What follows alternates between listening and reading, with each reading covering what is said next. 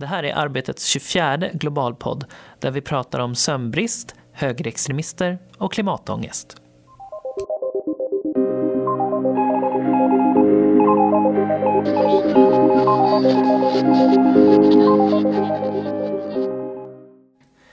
Hej och välkomna tillbaka till Arbetets 24 globalpodd. Eh, jag som pratar heter Kim Nilsson och är webbredaktör på Arbetet och eh, det var ett tag sedan vi sågs men eh, nu är vi tillbaka med full kraft och förutom mig så sitter även här Erik Larsson. Hej! Hej, redaktör på Arbetet Global.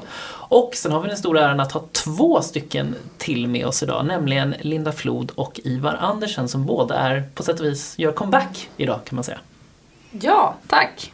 Tack så mycket. Mm. Välkomna tillbaks. Hur mår ni? Jo, det är bra. Det är kul att vara tillbaka. Mm. Ja, det är ju fantastiskt. Det börjar ljusna, det är jätteskönt ute liksom och sådär. Under lunchen som jag precis kom tillbaks från så satt jag på en parkbänk och bara njöt av solen. Men eh, för några av oss så är solen ibland ett litet problem. Man blir jäkligt trött. Eller jag har svårt att somna på grund av ljusomställningen. Liksom så, där. så jag tror det är många som lider med av sömnbrist. Liksom så, så det, det, är bra. Ja, jag lider också fast jag skyller på två, två barn hemma. Och att det är svårt att sova. Så att jag har till och med gått in i vilrummet här på jobbet ett par dagar nu på lunchen och sovit. Jag kan verkligen inte...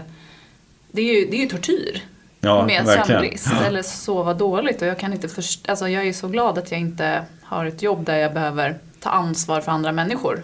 Kanske. Alltså, jag tänker om man är busschaufför eller om man är ja, op operationsläkare eller, ja, eller bara sjuksköterska, vad som helst. man vill inte så, ligga under kniven med en Så vill man inte ta ett felaktigt beslut vad gäller medicinering eller liksom köra. Eh, nej, jag har möjlighet att, ja. Mm. Hur känner du då Ivar? Är du trött just nu? Mm, nej, nej, inte särskilt faktiskt. Jag, eh, jag, har, jag har inga barn att skylla på och eh, påverkas inte så mycket av de ljusa kvällarna. Men, men jag känner såklart igen det ni pratar om. Eh, fungerar inte sömnen så, så fungerar inte så mycket annat heller. Alla vi på Global är ute i fält med jämna mellanrum och då, då kan det ju vara omständigheter som försvårar sömnen. Det kan vara för kallt eller för varmt eller du kan sova på ett stengolv eller du blir väckt av mygg var 50 minut. Jag, eh, 2013 så var jag i, i eh, norra Syrien eh, och låg inbäddad hos, hos GPG där. Och vi hade med oss en, en slags följeslagare från säkerhetstjänsten Asayish. Och jag har aldrig hört en, en människa snarka högre i hela mitt liv. Vi sov knappt på en vecka. Och det var liksom en fantastisk resa. Vi, vi, vi lärde oss oerhört mycket och, och det, var en, alltså, det var dramatiskt så det förslår. Men, men liksom det bestående minnet är att jag är så trött så att jag knappt kan hålla uppe ögonen. Så mm, sömn, mm. är, sömn är en central del av våra liv. Ja, det är verkligen viktigt. Och nu då så sitter vi ju faktiskt här eh, fyra stycken, alla fyra, så då vill man ju naturligtvis göra en liten koll med då. Vad är det som händer på Arbetet Global just nu? Ja, som vanligt skulle jag väl säga att det är mycket. Men eh, det som alla pratar om just nu, eller alla och alla, men som många pratar om det är i alla fall det här Brexit. Mm. Och det är ju ett väldigt rörligt mål. Ingen vet faktiskt vad, vad som händer. Men det där är ju någonting som vi tittar lite närmare på. Men sen har vi också ett EU-val som är på väg mm. upp. Mm. Och 26 maj så går Sverige till valurnorna för att rösta till EU-parlamentet. Och jag kom faktiskt precis ifrån ett eh, forskarseminarium som handlar om valdeltagande och, och så inom EU. Och det, det, var intressant. Det är en stor skillnad faktiskt mellan eh, eh, de som är utbildade och icke utbildade. Hur många som röstar. Mm. Så att, eh, det där kommer vi följa lite grann. Mm. Och sen så har vi i maj, 21 maj börjar Europafackets kongress i Österrike och Wien. Och sen i juni så är det ett hundraårsfirande i Genève. För då firar ILO, alltså FNs organ för arbetsmarknadsfrågor kan man säga. De firar 100 år och där kommer det vara ja, presidenter, företagsledare, fackliga och sådär. Mm. Ja, det har verkligen en späckad vår framför sig. Men jag tänkte, du, du nämnde ju det här EU-valet då och just nu så finns det ju en grej på Arbetet Global som handlar just om att EU-valet skulle kunna faktiskt bli en språngbräda för högerextrema politiker i Europa.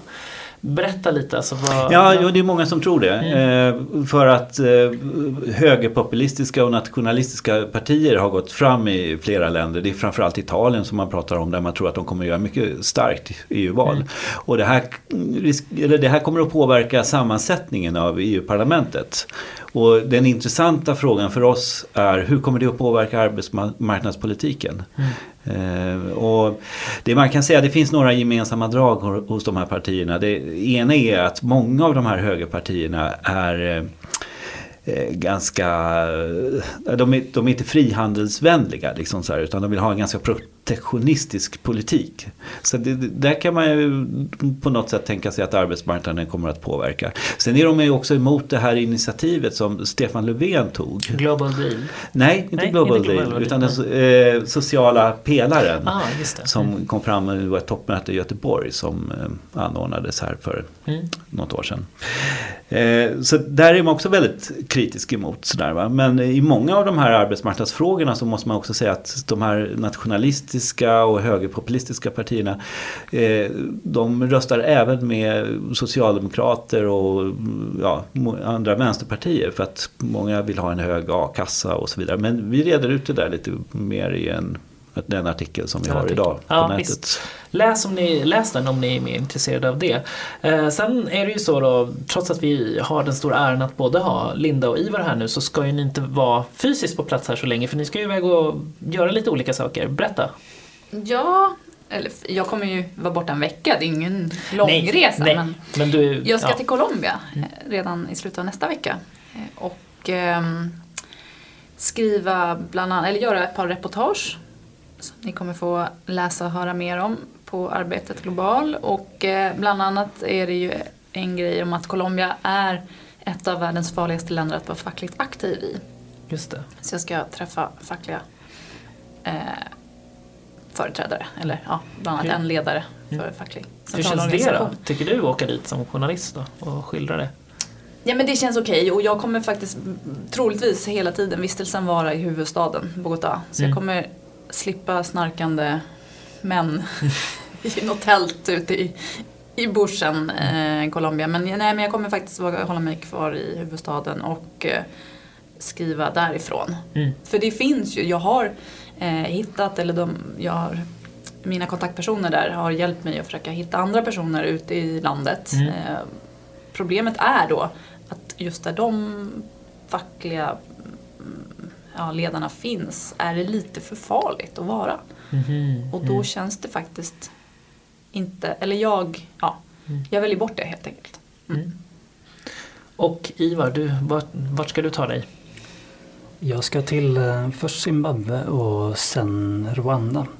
Det ska bli väldigt spännande och väldigt lyxigt också för det är en, en, eh, en studieresa. Så även om jag visserligen gillar mitt jobb mycket så, så känns det ja, det känns superlyxigt att bara få fokusera på att förkovra sig och ta in kunskap. Uh, överhuvudtaget så är det, det har varit en rolig vår så att det har blivit ganska mycket Afrika för min del.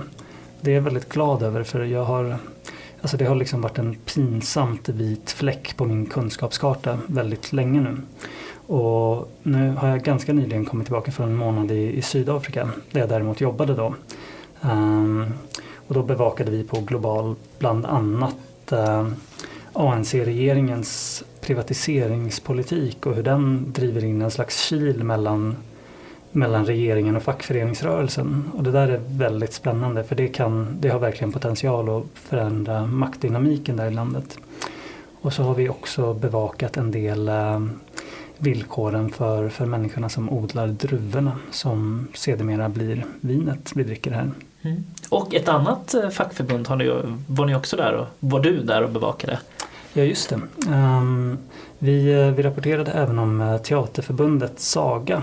Ehm, det är så att syd, man brukar säga ibland att Kapstaden är liksom lilla Hollywood. För det är väldigt många amerikanska filmstudios som förlägger sina produktioner dit. eh, av flera skäl, men det främsta är ju kostnadsläget. Ehm, och eh, samtidigt så ligger, ligger liksom skådespelarna där väldigt långt efter vad det gäller dels fackliga frågor, eh, avtal, villkor, arbetsmiljö. Men så har de noll upphovsrätt heller. Och det där är en Mm. fråga Mm. som, som de har drivit hårt. ehm, och även med stöd av Svenska Teaterförbundet och Union to Union. ja. Så vi var och kollade hur läget gick för dem. Mm.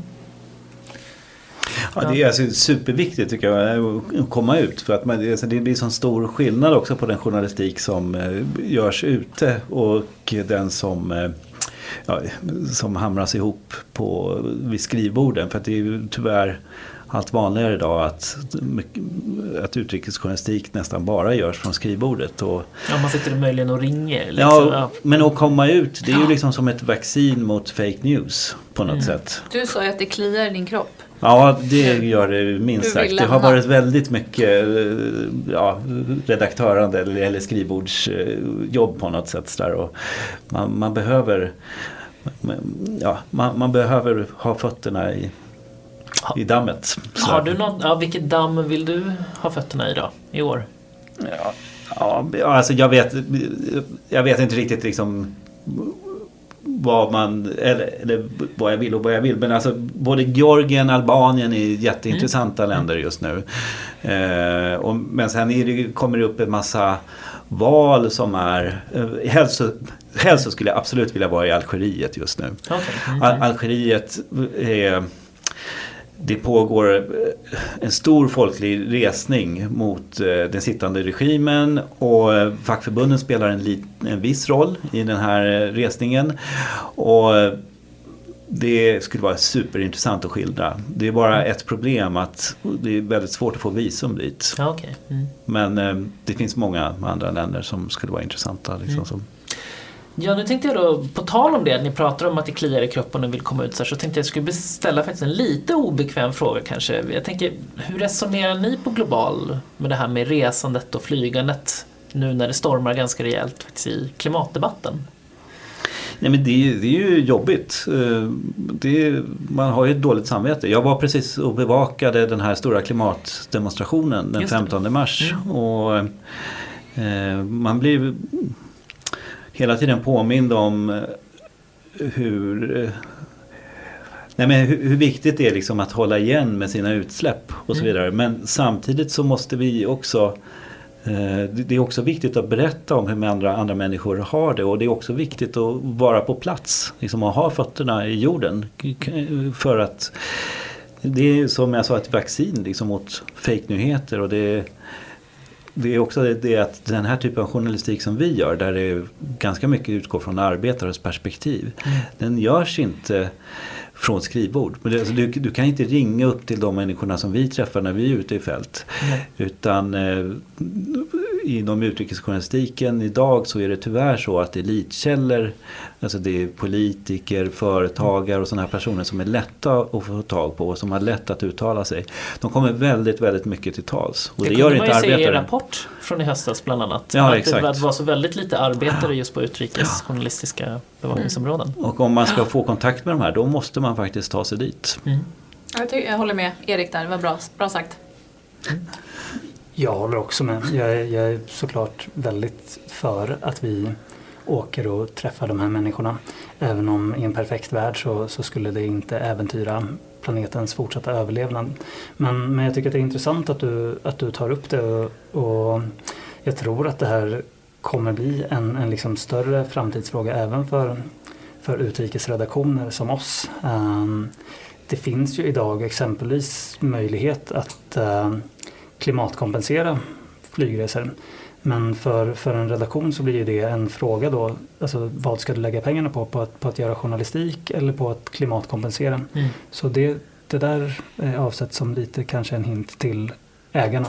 Ja, och sen har ju vi, vi har ju kollat upp möjligheten att klimatkompensera och de olika verktyg som finns. Mm. Och det är ju fortfarande en djungel, vilket är helt Ja. obeskrivligt. Att Mm. det kan vara så. För jag menar, man har pratat om flyg, utsläppsrätter och EUs handel med utsläppsrätter i Mm. like, 10-15 år. Och, det här, och sen har flygbolagen sina egna möjligheter till att kompensera, vilket är egentligen ingenting man betalar. Mm.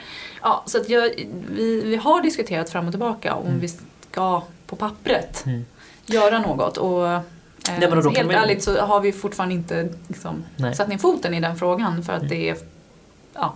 Nej, men då kan man ju tänka sig, medan ni som ändå är ute och reser och annat som, som ägnar er åt, sånt här i jobbet, då, då får man erfarenhet av det då. Men då kan man ju tänka sig som en privatperson som kanske gör en, två semesterresor om året. Hur, man hinner ju aldrig sätta sig in i då hur svårt det här faktiskt kan bli. Så, där, så det visar väl liksom också på att, lite, liksom att ett stort problem är väl kanske att folk ja, men att det är svårt att veta hur ska man göra rätt egentligen. Det lättaste är ju såklart att inte åka alls men, men om man måste åka eller om man liksom, var ska man göra då? Där finns det ju mycket att, att, att jobba med kan man säga för beslutsfattare. Eh, en annan sak som är, tänkte jag faktiskt när jag tittade på Arbetet Globals eh, på er sajt var ju att ni brukar faktiskt inte bevaka USA så himla mycket men nu hade ni någon grej i veckan här om att Bernie Sanders kampanjstab ska gå med i facket eller de ska organisera sig helt enkelt. Det låter ju intressant. Ja, just det. Ja. Ja, det är faktiskt en, eh, en större nyhet än vad man kan tro i USA. Um, där fackföreningar generellt inte alls är liksom en lika självklar del av, av, uh, av diskussionen om samhället som, som de är i Sverige. Så det här, var ju, det här var ju första gången då en kampanjstab har organiserat sig fackligt. Och um, utan att gå in för mycket på USA och USA-valet som långt ifrån är något expertområde så kan man väl definitivt säga att det här är också en del av en pågående politisk radikalisering av det demokratiska partiet. Så, så utifrån ett sådant perspektiv så är det ju väldigt spännande att politiken uh, försöker knöt, knyta närmare band till facken. Ja, Linda, Ja. Du, du har ju varit i USA och rapporterat väldigt mycket om presidentval och annat. Framförallt var det för 2012 va? Mm, det var det Du, valet. såg du många organiserade arbetare för, för, för de olika Nej, jag, tror kandidaterna? inte. jag såg väldigt många eh, fans då. Jag, eh, men det är ju verkligen, det är ju bara kort sådär, det är ju, det är ju som Ja, I Sverige pratar man att man är trött inför ett val. Att Mm. det har varit så mycket debatter och nu har, som inför senaste riksdagsvalet, så var det Mm. debatter i både kvällstidningarnas tv-kanaler och det var liksom morgonstudios, det var radio Mm. och det. Så att man pratade två, tre månader innan, jag är så trött, jag är så trött på det här. Men i USA börjar det här ett år innan eller mer. Eh, Ja, för nu Och är det ju ett ju- år. Ja, eller ja, ett och ett halvt år är det va? Ja, nu är det ett och ett halvt år. mm. Eh, Men sen kommer det ju dra igång januari nästa år då. Det är 11 månader innan Mm. som det första startskottet går i Iowa. Ja. Med deras första eh, ca- caucus heter det, inte Mm. primärval men ändå. Det är, och, och sen fortsätter det bara. Så det är ju... Där kan man snacka om att man är trött. Trött på valet. Ja, mm. efter ett tag. Men att se, jag, fick följ, jag följde Mitt Romney då 2012 Mm. och hans eh, eh, fans inför, eh, inför valet. Och bara se hur de fyller idrottsarenor och sådär. Vi har ju inte någon liknande motsvarighet i Sverige. Eh, hur de åker runt liksom, kväll för kväll för kväll. Ja, Det blir ju nästan som någon turné. Ja, eller det är ju en turné men alltså vi Ja. tänker som nästan rockstjärneturné. Mm. Liksom man åker och visar upp sig för sina fans Ja. i stort sett. Ja. Exakt. Mm. Så att, ja. Mm. Eh, Men Erik, jag tänkte du som berättar lite mer om liksom, arbetet globalt och sådär. Vi har pratat lite om saker ni ska bevaka. Liksom, hur, hur ska ni bevaka det och var ska ni bevaka saker nu under våren och sådär. Tänkte jag. Eh, Jag vet, just nu är vi, håller vi ganska mycket på att jobba med två kommande seminarier. Mhm, mm. Det, det här året det kommer märkas det kommer vara lite annorlunda för Arbetet Globalt. Vi kommer att satsa lite mer på seminarier. Vi har ju haft seminarier tidigare Mm, mm, och, och sådär men det här året så blir det lite mer av den varan helt enkelt. Och nu sitter vi precis i planeringsstadiet att, och har bokat lokal faktiskt. Kul. Mm. Så och, eh, vi kan önska alla välkomna den eh, 24 april Mm. till ABF huset i Stockholm på Sveavägen. Den 24 april så har vi ett seminarium där som kommer att handla om eh, Titta nu tappar jag det. Eh, Klimatet. klimatet. Påverkan Så. på... Just det. Eh, klim- Klimatets påverkan på arbetslivet. Och det är Mm. också artiklar som vi har skrivit om eh, tidigare. Eh, och där har vi bjudit in, eh, det var Carl Schlüter som kommer att komma Mm. och Monica. Monica Arvidsson på LO Ja. som är LOs internationella enhet. För att den här klimatfrågan är väldigt viktig för facket. Så åt- 8.30 så från Så 8.30 känner kan man få en eh, frukostmacka där. Och sen så den 8 maj så har vi ett seminarium som handlar om appjobben. Mm. Hur påverkar appjobben arbetsmarknaden? Alltså det är de här Uber och Ja. Uber. Nu uttalar- Uber? Uber. Uber. Ja. Hur påverkar de eh, arbetsmarknaden? Och där har vi inte riktigt bokat in alla gäster än men eh, det blir samma tid, Mm. alltså 8.30. Från 8.30 kan man få en lunchmacka och så håller vi på 45 minuter, en timme ungefär. Mm. Ja, det är ju ett ämne som man märker att det är, det är många som har väldigt starka åsikter om det här med appjobb om inte annat. Så, Ja, Ja. absolut. Och man trodde ju att det skulle bli fantastisk möjlighet. Man skulle kunna kapa företag. Att företagen skulle eh, inte få makt över de anställda utan man kunde ta sin egen makt. Man kunde jobba lite när man ville och det skulle vara bra betalt och så vidare. Men verkligheten har inte riktigt blivit så. Nej. Utan det finns en skuggsida av det där. Och, eh, som handlar om att man pressar ner lönerna och villkoren för till exempel de som kör bil, ja, taxibilar liksom, eller vad det nu är. ja, och det här tänker jag att man kommer få en, eh, en intressanta inblick ifrån om man går på det här seminariet då. Absolut, vi Ja. gör lite reklam här nu. Ja, det tycker jag ja. låter bra.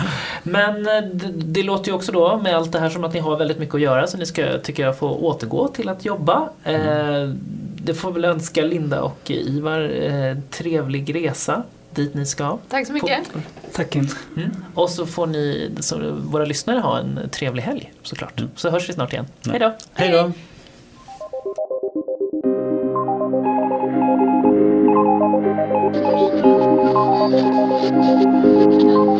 Thank